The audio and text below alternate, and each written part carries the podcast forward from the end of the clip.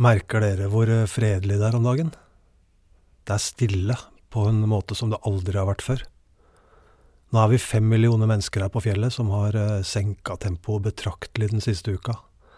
Og vi har allerede vært innom ganske mange forskjellige faser. Fornektelse, snikende frykt, lett kaos, snev av panikk og full forvirring. Men så roa det seg liksom litt ned. Jeg merker det godt på meg sjøl også, for jeg skal være såpass ærlig og innrømme at jeg flaksa litt hit og dit, jeg også.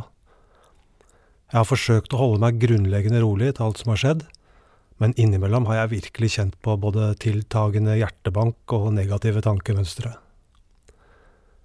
Men det går ikke an å gjemme seg fra dette her. Jeg kan ikke stikke av nå. Jeg må ta eierskap til situasjonen, legge vekk følelsene og tenke rasjonelt. Hei, jeg heter Alexander, og velkommen til dagboka mi. Etter en uh, veldig forvirrende periode kjenner jeg nå mest på en stor uh, ro, en optimisme for framtida. Det høres kanskje litt rart ut? Jeg gikk lenge rundt og tenkte at verden kommer til å gå til helvete. Gud var død for meg, penger og makt hadde tatt over all kontroll, og vi var egentlig sjanseløse. Det var bare å lide seg gjennom dette her, ruse seg vekk fra de største problemene, snakke seg ut av de andre, tenke mest mulig på meg sjøl og gi faen i alle andre. Tåka lå tjukt i huet mitt, og jeg skyldte på alle andre for mine problemer. Rakka ned på sjefer og ledere, latterliggjorde de som ikke var som meg, var spydig, grisk, selvopptatt, hoverende. Jeg valgte å ta posisjonen som den som alltid visste bedre, som alltid kunne finne en person eller en situasjon jeg kunne ta ut aggresjonen min på. Jeg kamuflerte min egen usikkerhet og frykt med et oppblåst ego og et uh, konstant arrogant flir eh, rundt munnen. Og jeg drakk. Så ofte jeg kunne, og så mye jeg kunne. Denne totale mangelen på selvinnsikt, denne underliggende og for meg totalt usynlige, selvforakten, styrte livet mitt fullstendig. Jeg hadde et tunnelsyn av dimensjoner og så ingenting godt i noe eller noen. Bitter, sinna, selvforherligende og ansvarsløs. Jeg var rett og slett et digert rasshøl. Så hva var det som skjedde, egentlig? Hvordan kan jeg sitte her i dag og kjenne på denne roen? Hvordan kan jeg leve med meg sjøl, kjenne på harmoni og trygghet, legge fra meg de negative tankene, sitte stille i stua og kjenne alle musklene i kroppen slappe helt av, tømme huet og bare være? Som de fleste av dere så måtte jeg til det punktet hvor jeg var så langt nede, hvor det var så mørkt, så dystert, så håpløst, at det føltes som det ikke var noen mulighet for noensinne å klare å komme opp igjen. Jeg satt nede i hølet mitt og gråt, hulka. Hele kroppen min vrei seg i smerte, og det var ingenting igjen av meg, ingenting å by fram, ingenting å ta vare på, ingenting å være stolt av. Etter noen timer så slutta jeg å grine, jeg satt bare og stirra helt tomt framfor meg. Jeg hadde en diger klo som stramma rundt hele kroppen min, og det gjorde vondt overalt.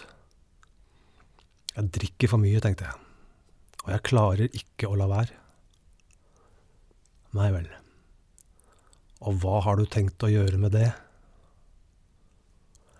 Veien derfra til der jeg er nå, har vært både lang og kronglete. Den har vært mange sidespor, en mengde uante retninger, mange tunge og vanskelige dager, men mest av alt en hel drøss med lyspunkter og øyeblikk fylt av pur glede og tilfredshet. Det har vært vanskelig.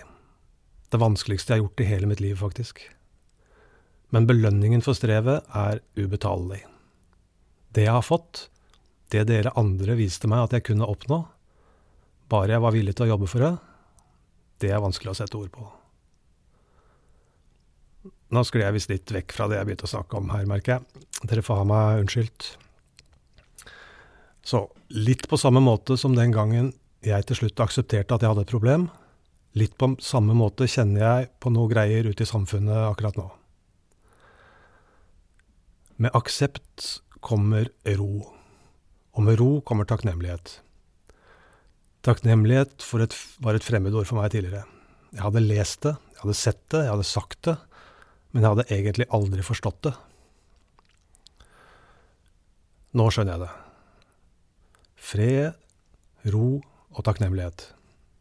Tre små ord som gjør hele forskjellen. Jeg har ikke lyst til å tenke på engang hvordan jeg ville takla denne situasjonen her om jeg ikke hadde lært det jeg har gjort de siste åra. Everything happens for a reason.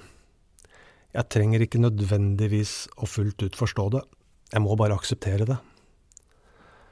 Den åndelige oppvåkningen som vi snakker så mye om, eller kanskje vi ikke snakker nok om den egentlig, den innebærer for meg at jeg må ha tillit og tro.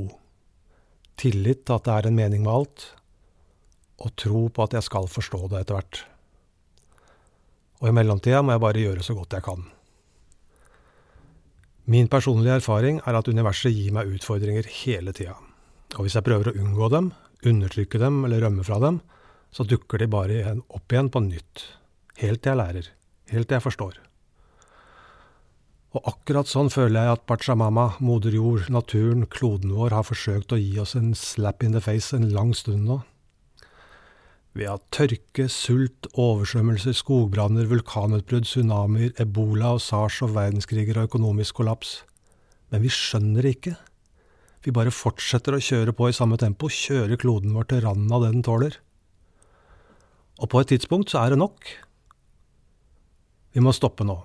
Vi må slutte å misbruke hele grunnlaget for vår eksistens.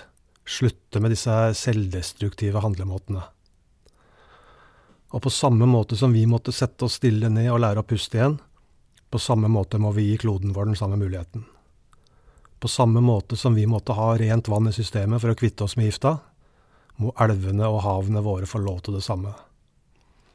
På samme måte som vi måtte kvitte oss med all dritten fra fortida, på samme måte må jorda vår få lys og luft og næring for å kunne gi nytt liv til framtida. Vi skal lære noe nå noe jævlig viktig, alle sammen. Og hvis vi ikke skjønner det, så går det til helvete med alt. Og derfor er det så fint å kjenne på den freden som på underlig vis har lagt seg nå. Det gir meg håp. Det gir meg tro. Og det gjør meg både ydmyk og takknemlig. Jeg vet at det er mulig å forandre på meg. Og du vet at det er mulig å forandre på deg. Sammen kan vi forandre på det som virkelig virker litt uoverkommelig, kanskje, alene. Men hvis vi tar den utviklings, utviklingsfasen omhyggelig, så vet dere like godt som meg hva som kan skje. Tusen takk for at du hører på. Jeg ønsker deg en fredfull eh, dag.